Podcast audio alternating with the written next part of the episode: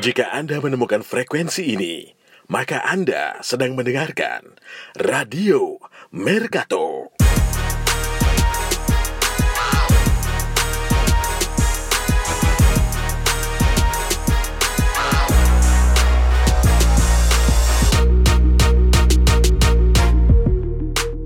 Halo, assalamualaikum warahmatullahi wabarakatuh. Sinyora Podcast balik lagi setelah kemarin kita keasikan nonton Euro. Sekarang kita lagi pada nikmatin Olimpiade nih. Kali ini kita hadir dalam sebuah segmen baru yang namanya Radio Mercato. Dan gua Salah ngomong lu, Jar. Hah? Lu salah ngomong, Jar. Lu salah ngomong. Kenapa? Harusnya ngomongnya Radio Mercato. Oh, iya, oke oke oke. Kita ulang ya. Dan sekarang kita hadir dalam sebuah segmen baru yang namanya Radio Mercato. Nah, gitu dong. Gue nggak sendirian, gue barengan sama Alvin. Vin. Yoi. Ya, Oh, itu udah disiapin dari kemarin tuh, Jar. Gue tau lu pasti akan ngomong kayak gitu tadi. sebenarnya dari Mercato kali ini Juve tuh belum banyak gerak ya, baru gosip-gosip aja gitu kan. Iya, yang paling yang paling geragas-geragas kan si PSG itu. Hmm. Juve masih adem-adem aja sih. Masih ya seputar Locatelli dan eh, ini apa? Perpanjangan kontrak ke Dybala yang dari tahun 2018 sih kayaknya. hmm. Katanya agennya mau datang, agennya mau datang gak jadi-jadi gitu kayaknya. PPKM level 4 jadi nggak boleh. Iya, kali ya. Iya. Nah terus di Radio Mercato kali ini kita juga mau ngundang para opini dari Juventini semua nih. Sebenarnya kita udah share di sosial media, Vin ya. Siapa aja sih sebenarnya pemain yang harus didatengin Juve buat memperkaya Juve musim depan, memperkaya kualitas permainan di bawah Allegri pastinya. Sama siapa aja sih sebenarnya yang harus di kick dari WhatsApp grup Juventus. Juventus. Dari WhatsApp grup dulu ya. WhatsApp Jangan grup udah ada. Jangan-jangan mereka bikin WhatsApp grup lain di luar misalnya di luar Iya. Sesni gitu misalnya. Iya. Eh, yang suka kirim-kirim stiker. Iya. Perin Perin di invite, Sesni didimin gitu. Tiba-tiba Sesni Iya. ngerasa di grup, anjir kok sepi banget ya hari ini nggak ada nggak ada apa-apaan nih gitu. Eh, yang agak kencang ini rebutan Juventus sama Milan untuk Hmm. mendapetin Kayu Jorge dari Santos. Hmm. Dia kan posisinya sih striker ya. Hmm. Posisi striker, usia masih muda banget, lahiran kalau nggak salah lahiran tahun 92, Mm-mm. kalau nggak salah gitu ya. Nah, dia main di Santos, klub lamanya Neymar. Nah, yang rebutan tuh antara Juventus sama AC Milan. Ah. Nah, yang menarik itu katanya sih hari ini si Kayu Jorge tuh udah sign pre-kontrak gitu lah sama Juventus. Mm-mm. Jadi sekarang bola apinya lagi di Santosnya mau terima eh, payment dari dari Juve or nanti eh, Kayu Jorge join sama Juventus itu nanti di bulan Januari secara free Iya. gitu. Si agentnya Kayu Jorge sifatnya lebih ke arah nunggu aja karena udah udah win-win solution. Maksudnya posisi dia sudah tidak tidak genting lah karena udah ada Iya. dua klub lah yang kira-kira udah siap nampung sementara untuk hitungan bulan udah pasti lepas secara free gitu. Kita juga udah nanya nih, kita mau dengerin beberapa pendapat dari masing-masing orang. Nanti abis itu kita bahas ya, Vin, ya. Oke, boleh boleh boleh. Yang pertama ada Yandi. Halo teman-teman Signora Podcast, apa kabarnya? Semoga semua sehat-sehat selalu ya. Kenalin dengan gue Yandi, Juventino dari Kebonjeruk, Jakarta Barat. Pemain yang harus Juve datengin.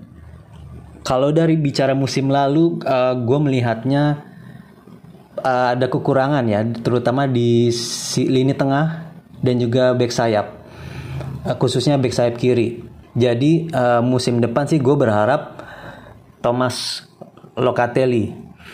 gue berharap dia datang ya. Selain dia Itali Italiano, uh, dia tuh punya grinta yang dibutuhkan oleh lini tengah Juve yang sepertinya kurang greget musim lalu. Uh, mungkin juga uh, bisa ditambah dengan Pjanic ya, kalau menurut gue. Uh, asalkan dia didatangkan dengan free atau opsi peminjaman selama semusim aja cukup. Kemudian yang gue agak concern satu lagi di back sayap khususnya back sayap kiri. Perlu ada upgrade. Upgrade-nya itu satu nama menurut gue Gosens ya. pemain Jerman itu gue rasa sangat dibutuhkan untuk meningkatkan kualitas. Nama, nama yang lagi hangat ini Caio George mungkin ya dari Brazil Santos itu gue mungkin gue setuju tuh kalau bisa datangin pemain ini nih dia, dan dia diincar banyak klub ya. Iya sih Locatelli ya. Hmm. Locatelli emang. Atau Pianik. Cuman kalau Pianik gajinya mahal bos, 8 juta. Makanya nggak ada Kalau misalnya, Hmm? kalau misalnya dia balik ke sini, eh, kalau misalnya dia mau nurunin gaji sih harusnya oke-oke aja. Karena gini loh, si Pjanic ini, kalau menurut gua ini dia bisa jadi kartu kartu trofeo kita. Kenapa? Karena free kicknya Pjanic itu ajaib sih kalau menurut gue ya. Iya iya. Dia- iya. kita kita suka dapat poin-poin penting dari free kicknya Pjanic gitu loh. Kalau kalau menurut gue sih ini sebuah keuntungan besar kalau misalnya ada dia join balik ya. Hmm. Karena kita tahu lah eh, semenjak Ronaldo datang ke kita eh, free kicknya lebih akurasinya kurang begitu bagus dibandingkan Pjanic kalau menurut gue gitu loh. Jadi Iya. ini lumayan lumayan prospek banget. Udah gitu mainnya juga memang kalau menurut gue sih stabil sih ya daripada daripada lu ngekeep pemain yang sifatnya ada gajinya besar tapi juga nggak bisa lu mainin di match itu juga ju- juga jadi kayak untuk apa lu kayak punya Arthur punya Ramsey yang kaki kaca gitu loh Hmm. gak, gak bisa masuk ke line up juga gitu loh gitu sih kalau menurut gue Pjanic oke lah kalau menurut gue sih Pianik ya. Terus sekarang ada Yus. Nah kita dengerin nih Yus opininya gimana? Halo Signora Podcast, saya Yus Rizal, Juventini dari Kudus. Eh, menurut saya pemain yang harus didatengin Juve buat ngadepin musim depan itu ada di pos gelandang sama left back. Eh, posisi gelandang terutama yang punya kemampuan di playing playmaker ya. Eh, kalau saya sih pengennya Frankie De Jong atau Thiago Alcantara gitu. Eh, daripada Bentakur kan yang dipasang di posisi itu kan musim lalu kan Pirlo ngelakuin itu dan kita lihat sendiri Bentakur dengan umpan-umpan ajaibnya malah bikin lini tengah Juve acak adut jadi mending De Jong atau Thiago Alcantara gitu deh nah sementara Allegri kan bisa punya alternatif tuh 4-2-3-1 atau 4-3-3 nah itu De Jong atau Thiago Alcantara kan di klub-klub sebelumnya juga bisa bermain versatile gitu jadi saya rasa mereka berdua cocok tuh ngisi posisi itu. Nah, untuk di pos left back sendiri, saya lihat Alexandro itu udah mulai habis ya. Jadi saya pengen ada eh, pengganti sepadan gitu. Misalnya kayak Robin Gosens, itu kan moncer banget di Jerman Euro kemarin tuh. Cocok banget tuh kalau misal dia bisa masuk eh, lini serang eh, sebelah kiri. Juve bakal lebih hidup daripada yang ditaruh Lord Bernadeschi kan kayak musim kemarin Pirlo pernah nyobain Lord Berna jadi left back dan jadinya aneh banget gitu. Jadi mending Gosens lah. Wah, kalau dibandingin sama Berna mah ya mendingan Gosens lah. Nah. iya gue juga melihat Gosens kemarin di Euro tuh emang kesem-sem sih Hmm. Iya gak sih? Tapi balik lagi, kalau misalnya emang datang Gosen, menurut gue ya, Hmm. eh ini dia itu wingback yang menurut gue harus tiga back kitanya gitu loh. Iya, iya, iya. Dengan kembali ke sistem 352 ya, kalau menurut gue gitu. Gua gue suka sih ngeliat dia kemarin main di Euro ya. Apalagi dia juga kan eh, lama di Italia juga di Atalanta gitu. Jadi udah tau lah konturnya Italia itu kayak gimana gitu.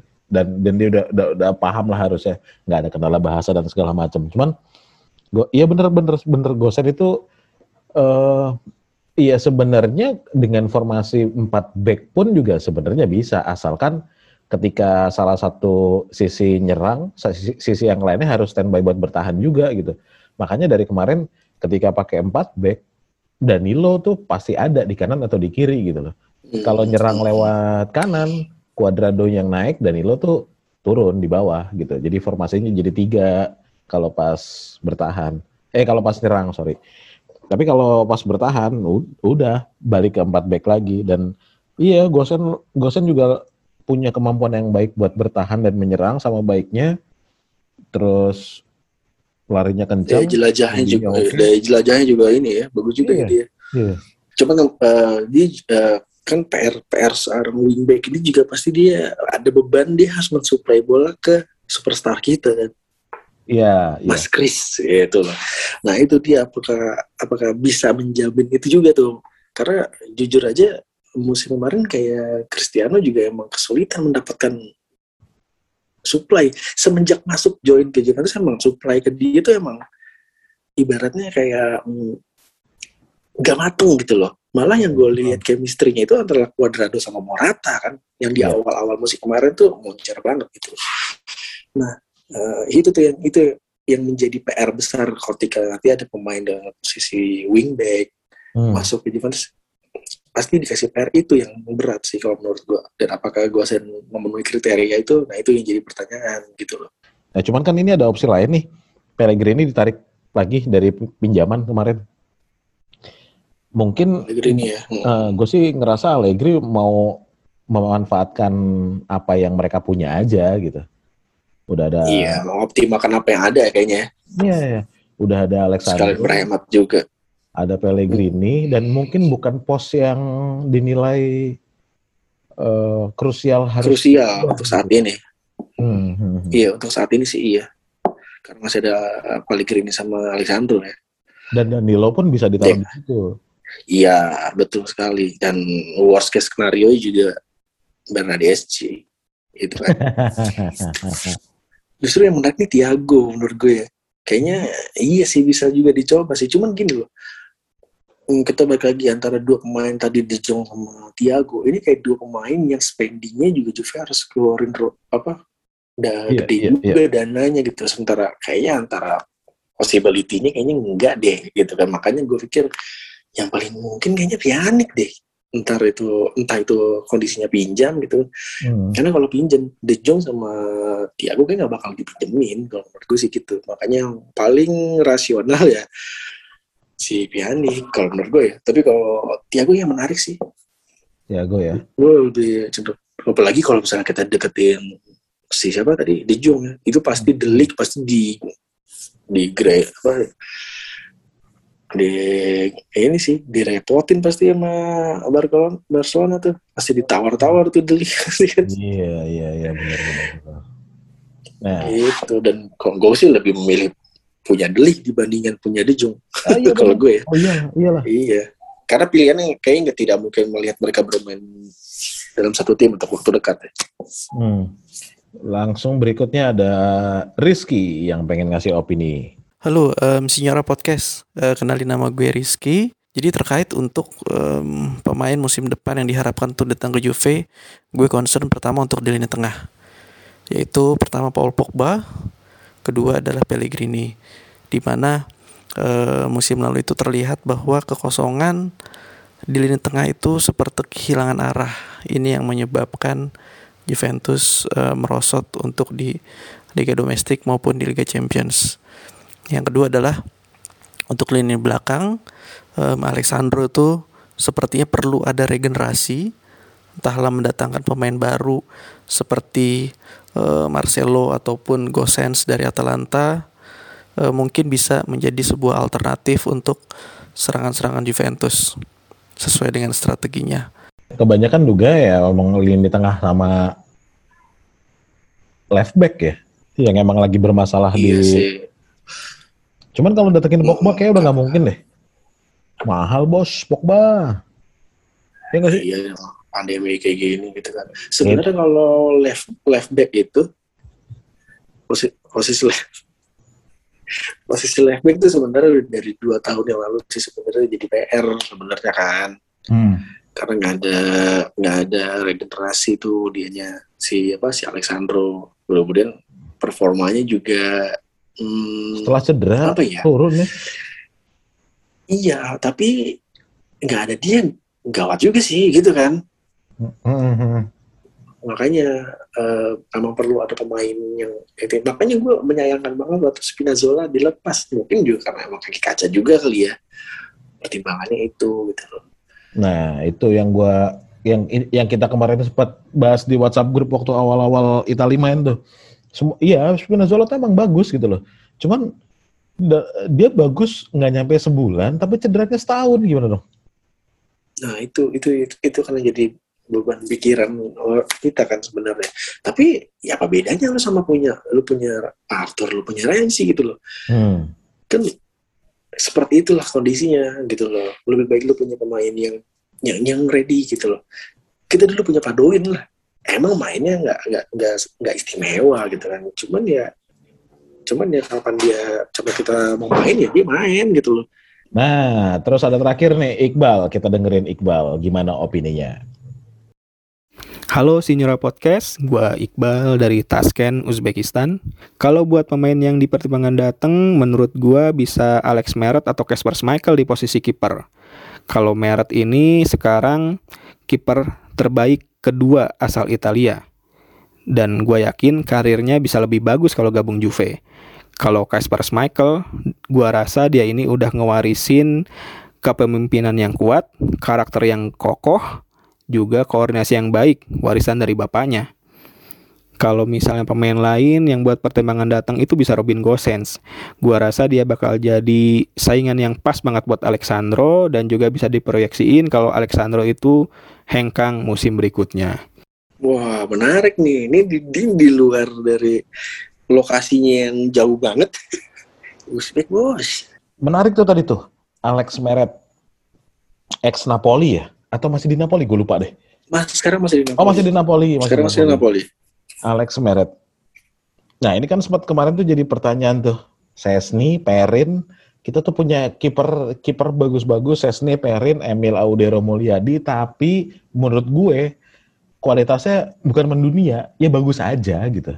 Iya, cuman bukan level Juventus karena Juventus tuh udah udah kadung terkenal ya kipernya itu Buffon.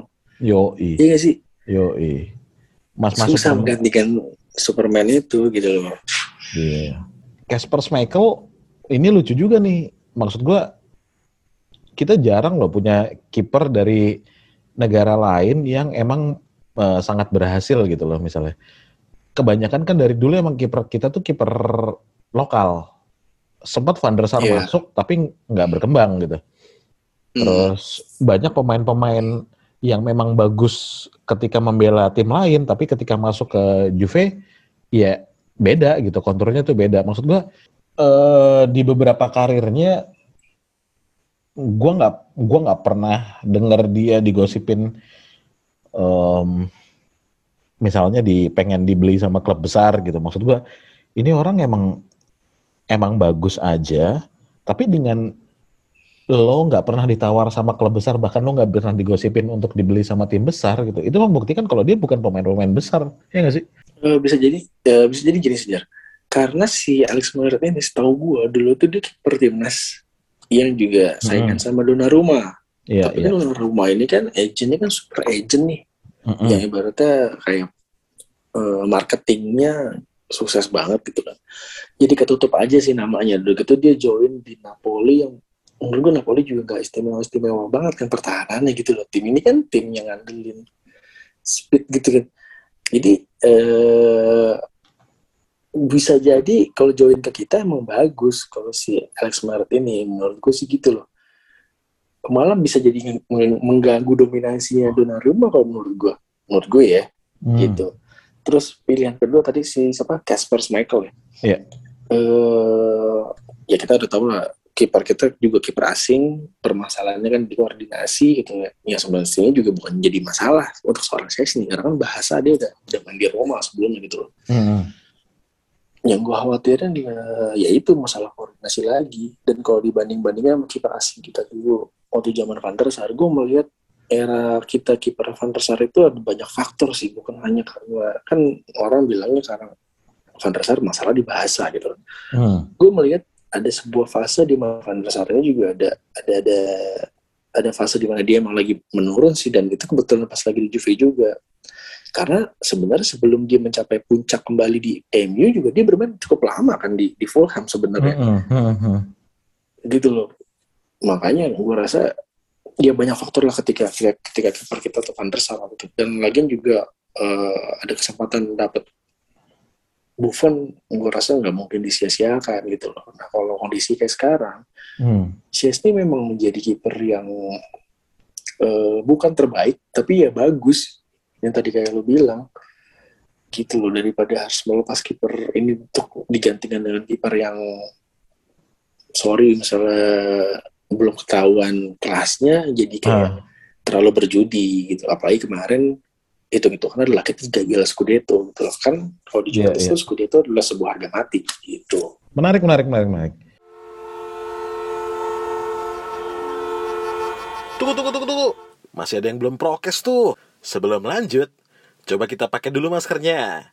Cuci tangan, jaga jarak, jauhi kerumunan, dan kurangi mobilitas. Pertanyaan berikutnya adalah siapa pemain yang harus di-kick dari WhatsApp grup Juventus secepatnya musim depan? Waduh.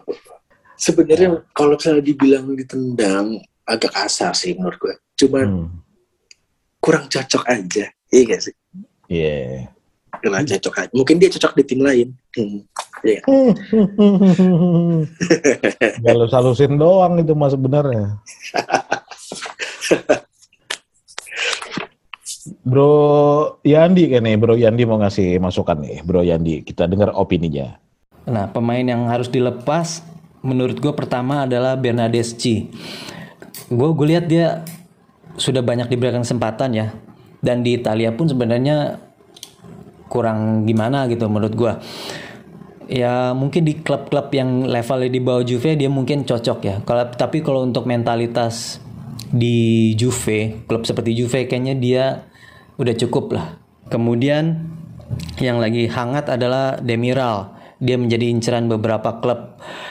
Ya sangat disayangkan sih menurut gua karena mungkin dia bisa dicoba untuk dipercayakan untuk main starting gitu kita lihat tapi ternyata faktor Bonucci sama Cielini ini sangat kuat ya. Jadi eh, selama mereka masih bermain eh cuma Delik aja sih yang masih bisa naik.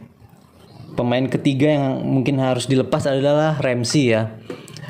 Dia kebanyakan cedera jadi fungsinya itu juga nggak terlalu kelihatan ya di nggak tahu apakah di dengan di tangan Allegri dia bisa kinclong yang jelas musim lalu di tangan Pirlo dia tidak begitu kelihatan lah Hmm. Bernadeschi ya. Bernadeschi, Nama yang selalu disebut-sebut pemain yang harus dibuang. Kata lo kan nggak dibuang. Mungkin dia lebih cocok Oh main di iya, tim lain cocok di tim gitu kali. lain. iya bener sih, bener sih. Eh, katanya terlalu banyak kasih kesempatan dan akhirnya pemainnya juga nggak terlalu perform di Juventus. Heeh. Apakah apa bebannya memang memang besar banget sih untuk seorang Italiano join ke Juventus gitu ya dari Fiorentina gitu kan ya, dengan harganya juga nggak murah mungkin ada beban sih kalau menurut gue jadinya dia nggak bisa lepas gitu gue gue gue beberapa kali menyaksikan Bernadeschi waktu main di Fiorentina menurut gue bagus Hmm. main oke gitu loh dan promising gitu, gitu. terus pas join ke Juventus ini hanya beberapa match kan yang dia bagus Ya. gue mencatat pertandingan waktu dia waktu kita lawan Atletico dia main bagus loh menurut gue yang kita Ah. tertinggal itu dia lo main main bagus terus saat itu dan masa beberapa match juga nah ini mengingatkan gue sama beberapa pemain Italia juga yang join ke Juventus. Justru malah underperform gitu loh. Hmm. Eh, ya kayak ya contohnya kayak Bernadeschi tadi terus Iya, Giovinco. Dengan segala macam ekspektasi kita gitu kan. Oh, ya ini the next Del Piero gitu. Semua orang mungkin bisa menyebut dia the next Del Piero gitu. Cuman ternyata performanya di Juventus malah nggak terlalu bagus gitu malah ketika dia main di Parma kan merepotkan banget gitu hmm. Iya kan? Hmm. Hmm. makanya ini apakah apakah menjadi beban tersendiri gitu loh Sama Ramsey. Dari tapi gue ngerasa Ramsey dari awal datang juga gue nggak yakin sih gitu karena em, pertama dia udah berapa kali cedera. Ya, emang direkrutnya free juga ya, tapi gajinya kan juga tinggi. nah iya Tapi- itu dia Nah itu yang yang akhirnya ya ya sempat main bagus beberapa match gitu, bikin gol juga. Cuman dengan lo dibayar gaji segede gitu nggak worth it lah. Apalagi bolak-balik Iya. bolak-balik cedera, bolak-balik cedera. Nggak worth Iya. it lah Ramsey lah. tapi, tapi kemarin waktu dia di Euro kan bilang kalau dia di apa di timnas fine fine aja fit fit aja gitu kan Iya. Nah, itu- Posisi itu posisinya dia, beda. Di timnas kan dia di, jadi dulu. striker. makanya gue lebih lebih kemarin tuh musim kemarin tuh gue ngerasa kita kayak kebanyakan pemain yang dia pemain kita tapi nggak- kita nggak bisa mainin menurut gue tuh buat apa gitu loh Iya. dan gajinya nggak- sedikit gitu loh sebenarnya ini pemain ya pas di era emasnya memang gua akuin IQ-nya emang tinggi untuk seorang pemain bola gitu. Tapi Oh iya, jelas. Maksud, cuma maksud gue gini, Vin. Adalah sebuah kontribusi yang bisa lo berikan di tengah kekurangan lo. Contoh, kayak kayak Ciel ini kan dia main tinggal cuma pakai satu kaki karena eh, ACL pula kan. Nah terus speednya juga udah udah nggak bisa ngejar striker-striker cepat lagi gitu loh. Cuman dia punya trik kayak kemarin waktu narik Bukayo Saka gitu, yang akhirnya rame di mana-mana itu menurut gue itu smart trick banget gitu loh. Dia lakuin apa aja buat timnya. Nah ini Iya. ini level sacrifice yang emang nggak dimilikin sama semua pemain gitu. Tapi kalau pemain-pemain kayak Ramsey iya. kayaknya yang ya udahlah kalau tim gua kalah kita coba lagi minggu minggu depan gitu loh. Yang kayak gitu-gitu. momen momen itu momen yang Kiel sama Saka menurut gue itu adalah momen di mana di mana Kiel ini tuh kayak tidak mau berpikir naif ya Hmm. no or never Iya sih Iya, iya, iya. Dia sudah terlalu banyak merasakan gagal karena naif gitu karena menurut gue gitu ya Hmm, hmm. dua kali final Champions gitu kan terlewatkan satu kali final Euro 2012 juga kelewat gitu kan Hmm. eh ya no or never mesti dia lakuin Iya nggak sih Hmm, hmm, hmm. Mungkin itu juga yang ada di kepalanya Suarez kan waktu lawan Ghana. Iya, dia Ya udah, pakai tangan gue ya. red card. Iya, Ah. gue red card. No never. Negara gue bisa maju terus. Hmm. Gitu kan.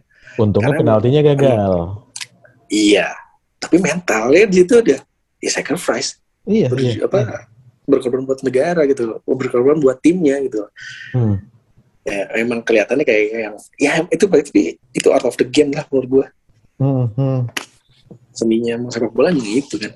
Kalau Mas Yus gimana Mas Yus? Kira-kira siapa pemain yang harus disingkirkan dari skuad Juve musim depan Mas Yus? Nah, kalau pemain yang eh, nggak cocok buat skema musim depan tuh sebenarnya menurut saya pemain yang harus dijual itu adalah Arthur. Soalnya Arthur itu kan udah kaki kaca ya, cedera-cedera mulu. Daripada menemuin sekuat Juve gitu kan. eh, lebih baik cepetan dijual deh, mumpung harganya belum benar-benar jatuh. Lumayan kan bisa buat beli pemain-pemain baru lagi. Wah iya juga sih ya, Arthur ya. Gue Lo sih setuju banget kalau Arthur. Ingat kayak waktu zamannya Diego Ribas kan? Dia tuh emang digadang-gadang jadi playmakernya Juve. Cuman ketika flop, ya udah dua musim jual gitu. Nah, Arthur nih yang kayak kemarin lu kesel lah gitu. Ini ngapain aja sih pramusim? Main juga enggak, tiba-tiba giliran mau main operasi. itu dia makanya gitu loh kan eh, kan jadi kayak lucu gitu loh kayak gue respect banget sama Marco Reus dia tahu usianya udah berapa dia juga Ah. performanya juga mungkin nggak nggak bisa ngejar di timnas Jerman. Eh, dia memilih untuk fokus bermain di Dortmund memulihkan cederanya supaya nanti musim baru baru mulai dia udah dalam kondisi yang fit gitu loh. Hmm, hmm. respect kan lu, lu, lu punya pemain yang kayak gitu gitu loh. Gue udah memprepare diri gue untuk ready untuk musim berikutnya. Contoh di tim kita ya Delik lah datang ke tim kita dalam kondisi yang gue udah fit gitu loh. Dalam kondisi yang sangat fit. Gue respect sama pemainnya seperti ini gitu loh. Nah ini Arthur gitu loh. Kemarin ada Euro gitu kompetisi sebulan penuh gitu. terus belum lagi libur sebelumnya. Belum lagi dia kan nggak main dari semenjak match yang dia bikin blunder gitu kan. Iya, iya, iya. ya kenapa lu nggak lu nggak nggak nggak melakukan pengobatan di saat itu sih gitu? Ke Haji Naim kayak gitu maksud gua. Iya, kalau nggak Gopli. lu tau Gopli gak sih? Enggak Pantesan gua ngejokes lu diem aja. Nggak tahu Gopli ternyata deh. Nah, ya itu gua sangat concern kita terlalu banyak banyak pemain yang tidak bisa kita mainkan hmm, tapi hmm. posisinya krusial itu juga yang yang jadi pengaruhnya ke tim kita musim kemarin harusnya dia bermain bersama dengan Bentancur dan eh, Rabiot Hmm. gue yakin kalau kondisinya Arthur itu fit sesuai dengan brosur dalam tanda kutip. Kayak waktu dia di Barcelona gitu ya. Iya. harusnya dia memberikan kenyamanan.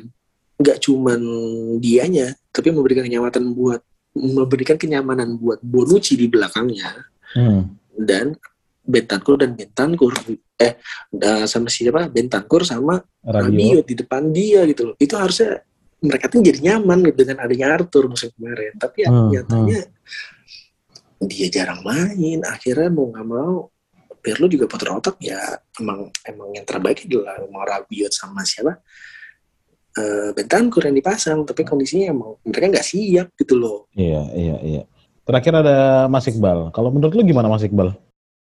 Menurut gua pemain yang bisa dipertimbangkan hengkang dari Juve itu adalah Ramsey yang pertama, yang kedua Sesni. Ramsey ini sebenarnya pemain yang bagus, cuman dia sering banget cedera. Jadinya dia nggak pernah maksimal main buat Juve. Kalau Sesni, dia juga kiper bagus sebenarnya. Cuman sayang aja, semakin ke sini penampilannya juga nggak meyakinkan. Kayaknya Sesni ini juga gagal bikin chemistry yang bagus sama pemain belakang, jadinya koordinasinya nggak pernah bagus dan bikin banyak blunder. Resep jadi kiper Juve yang bagus tuh sebenarnya cuma temenan sama Bonucci sama Cielini aja lagi. Dan pas ketika lu ngeblok gitu atau ketika lu ngagalin peluang lawan terus lu tos lu teriak wah gitu. Nah itu itu enak banget tuh dilihatnya tuh. Chemistry langsung kebentuk. Jadi kan achievementnya back sama kiper kan adalah ketika menggagalkan gol lawan gitu kan. iya itu setara dengan mencetak gol sebenarnya Nah, poin sebenarnya kan cuman mukanya Sesni emang karena lembang-lembang aja. Ya udah gitu. nggak mau ikut sama itu Se- eh, Sari ke Lazio bisa ngerokok bareng gitu. Iya, ini ya. Dia sebenarnya cocok liga liga Inggris kali ya mungkin sebenarnya. Gosip apa lagi nih Vin? Yang yang mau kita bahas buat Juventus? eh ini kan kita kita rekaman ini ternyata eh, selang berapa jam sebelum itu ada ini nih ada press conference-nya. Max Allegri is back Entah. ada beberapa poin yang nggak semua poin yang gue highlight sih ada beberapa poin yang menarik. Menurut gue ada dia memention pemain-pemain muda yang dimiliki Juventus saat ini bisa menjadi tulang punggung untuk musim depan. Hmm. I, kita tahu lah Allegri ini kan hmm, sedikit agak aler, uh, aleg- apa alergi sama pemain muda sebenarnya. Nah, apalagi yang kelihatan sama dia kayak ah ini setengah mateng nih ah dia cuma ngandelin ini doang nih ah ini speed doang nih gitu kan biasanya nggak nggak Hmm. terlalu dia, dia kasih kepercayaan kan Eh, semisal kayak eh, Kingsley Coman aja nggak dapat tempat kan di tim Allegri gitu kan iya iya. Terus Morata aja join di Juventus aja dah memerlukan beberapa match atau jadi pemain cadangan dulu kan sebelum Hmm. benar-benar eh, ini kan. Hanya Hmm. Ronaldo yang langsung jadi pemain utama di bawah Allegri gitu. Hmm, hmm, hmm. Dan dia mention beberapa pemain muda juga gitu kan. Yang apa? Nah, terus pemain senior yang dia mention ini adalah Cristiano, Cielini, dan Bonucci. Dia bilang eh, akan berkolaborasi dengan pemain senior yang akan menjadi contoh. Gitu. Nah, nama-nama yang dia mention nih ada Dybala. Dybala dia mention kalau dia akan menjadi pemain yang penting untuk musim depan Iya iya. gitu kan. Uh, gue sih berharapnya Dybala reborn sih musim ini sama Allegri. Harus ya? banget. Sangat berharap. Kita tahu di bawah Allegri ini Dybala tuh pernah berapa kali uh, dua match hat trick ya kalau nggak salah waktu itu beruntun ya. Iya. Waktu dia duet sama Higuain waktu itu kan. Gue berharap hmm, Dybala kembali reborn seperti itu bermainnya. Kayak padi ya. Eh, Kayak padi. oh ya aduh, Padi Padi. reborn ya. Iya, Waduh,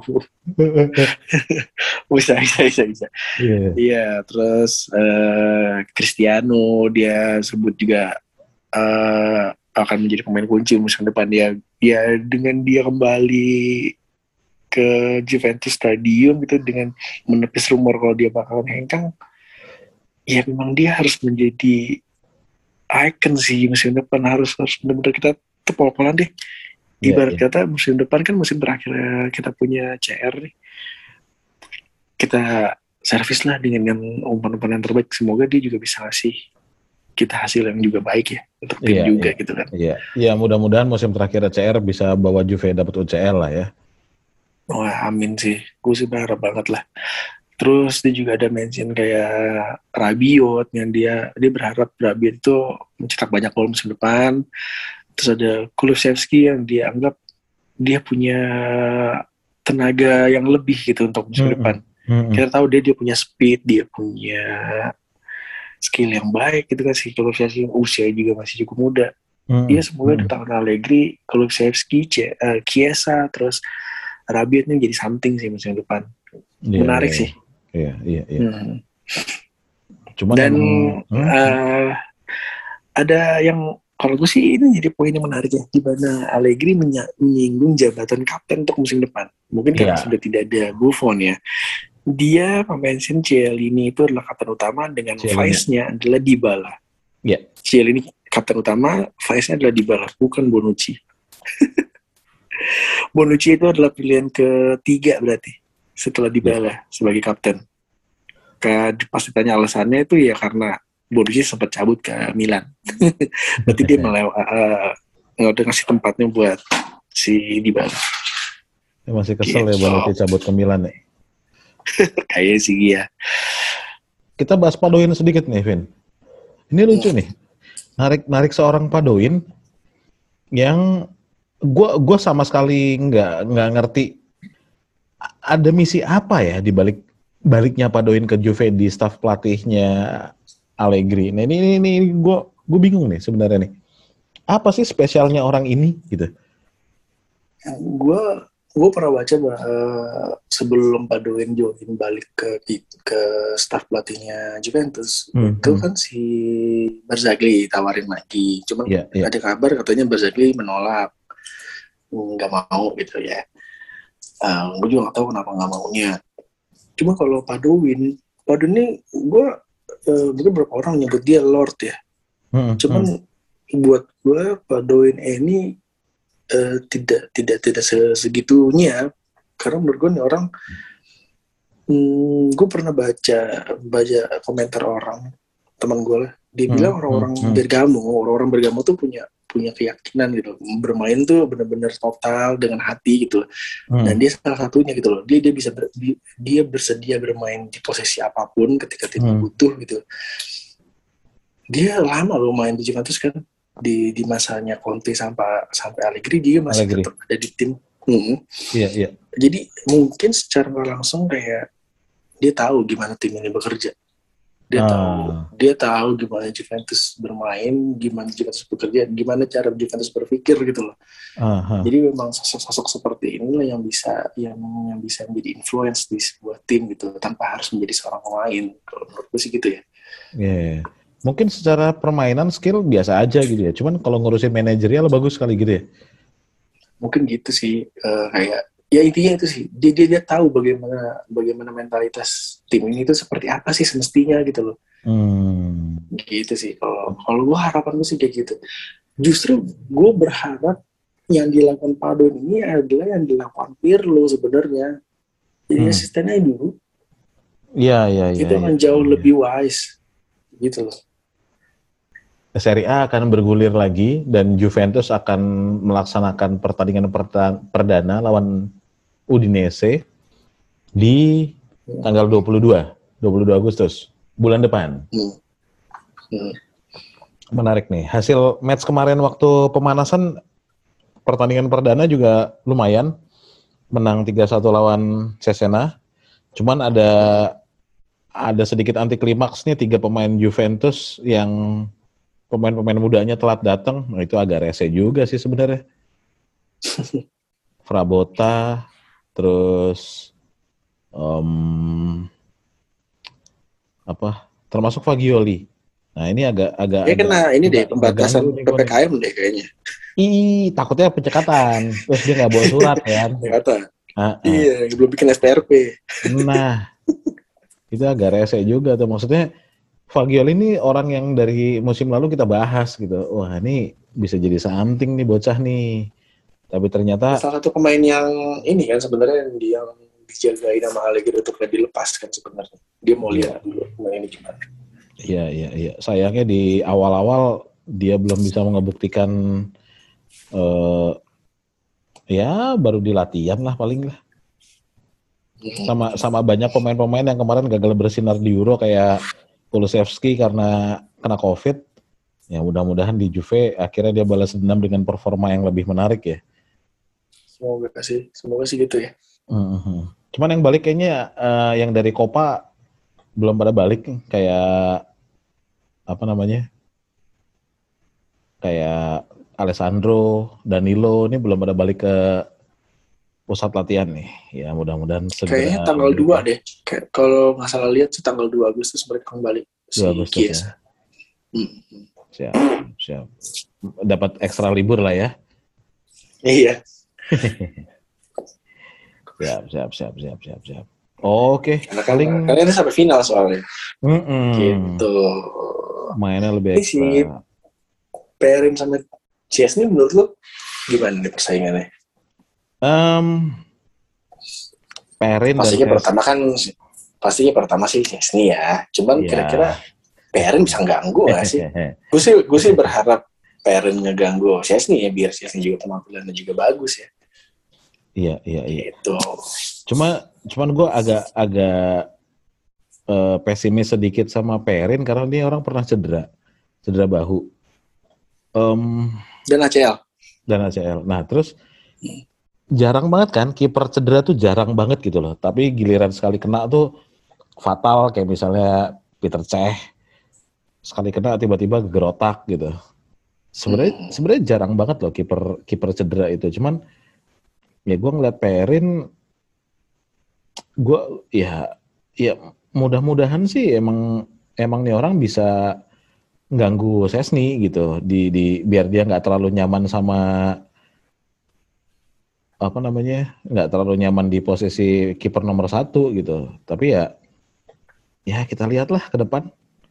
Apakah Kalau Perin itu gue sih berharap berharap ganggu banget sebenarnya berharap dia mengganggu Chesney banget. Kenapa? Karena ya dia Italiano harusnya dia bisa men- apa, menggantikan peran yang buruk di sisi buruknya si Chesney ya, koordinasi Hmm, kan. hmm, hmm, Sebenarnya itu kan sebenarnya gitu. Hmm, Cuman yang gue lihat ini Perin itu kiper yang apa ya tanda kutip gue bisa nyebutnya adalah dia kiper tradisional. mm, mm, mm. Gayanya dia tuh seperti Buffon ketika di Parma. iya yang dia tuh bisa maju ke depan, dia ambil resiko gitu loh. Jadinya makanya dia eh, rawan untuk dicederai gitu loh. Hmm, Dibandingkan sama yang tadi gue bahas, Chesney itu lebih ke kiper yang lebih bersifatnya modern gitu loh. hmm, Yang mencoba atau bermain dengan kakinya gitu loh. Ikut mengatur ir- apa bola, aliran bola gitu. Sementara Perin belum belum itu, belum gue belum pernah lihat Perin sejauh itu perannya masih menjadi Hmm, kiper yang hmm. tradisional kalau menurut gue. Tapi penampilannya meng- beberapa kali emang mengingatkan gue sama Buffon ketika masih muda sih. hmm. Gitu. Tapi memang Buffon another level ya. Iya, Iya kan? anjir. Bahkan Ibrahimovic bilang dia sampai umur 50 juga masih bisa main kok. Iya, ya Ibra. Apa pun Iya. yang diomongin emang kalau jadi headline sih. Yoi. Selalu jadi artis buat gosip tuh yang kayak gitu-gitu tuh Ibra tuh. Tapi gue suka karakter Ibra sih. karakter Ibra. Dia punya kepercayaan diri yang tinggi banget soalnya. Nah itu yang dalam sebuah tim itu harus ada yang seperti itu kalau menurut gue kayak dulu Real Madrid ada ada Sergio Ramos ya Hmm, hmm, tim hmm. tidak akan pernah merasa kecil ketika ada orang seperti dia gitu Oh iya, iya, iya, iya, iya, iya, benar, benar, benar, Gitu. benar, benar, benar, benar, benar, benar. Nah, mungkin Juventus butuh sosok-sosok yang kayak gitu gitu. Makanya gue bilang kemarin di final Euro, Chelsea melakukan tindakan ke Saka kemarin itu udah harus dilakuin gitu loh. Hmm. Itu udah udah ada harga mati gitu loh. Ya kita Iya, kan iya. nggak tahu ya, meskipun Saka lolos juga belum tentu masuk juga sih. Belum tentu Emang masuk, belum tentu masuk. Coba kan secara mental jatuh dong. Iyalah, itu udah jelas jatuh. Ditarik lehernya. Iya tarik gitu sampai akhirnya bikin petisi untuk tanding ulang kan. Nah, Iya, muncul, muncullah sosok kayak Marcisio di mana Hmm, nggak harus dibawa- saya tanda tanganin. Hmm, Untung ini, untung nggak dibawa ke bawah lu. Gawat ya. Eh, kok bawa sih? Ya, ah, gak masuk di lain gue.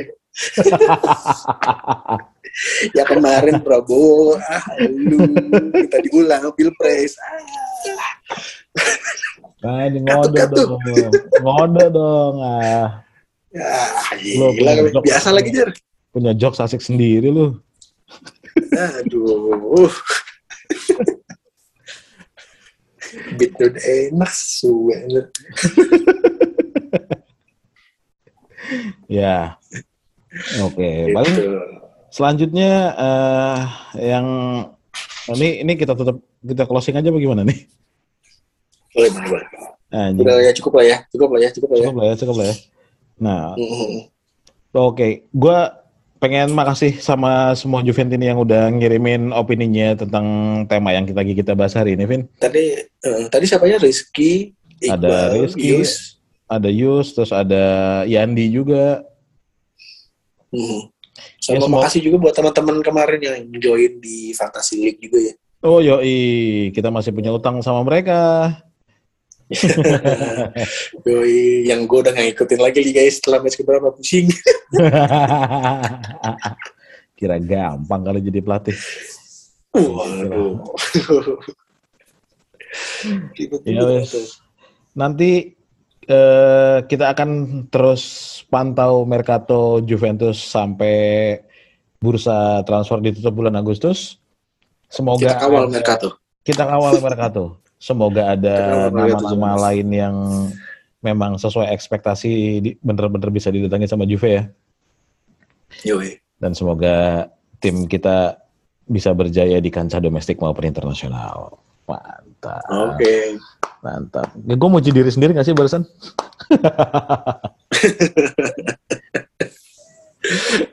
ya wes, gitu aja. Oke. Thank you banget yang udah dengerin Sinjara Podcast. Eh, kita butuh support dari kalian semua yang dengerin dan pantengin terus eh, sosial medianya Signora supaya dapat info kapan nih si apa namanya eh, podcast kita tayang baru. lagi ya.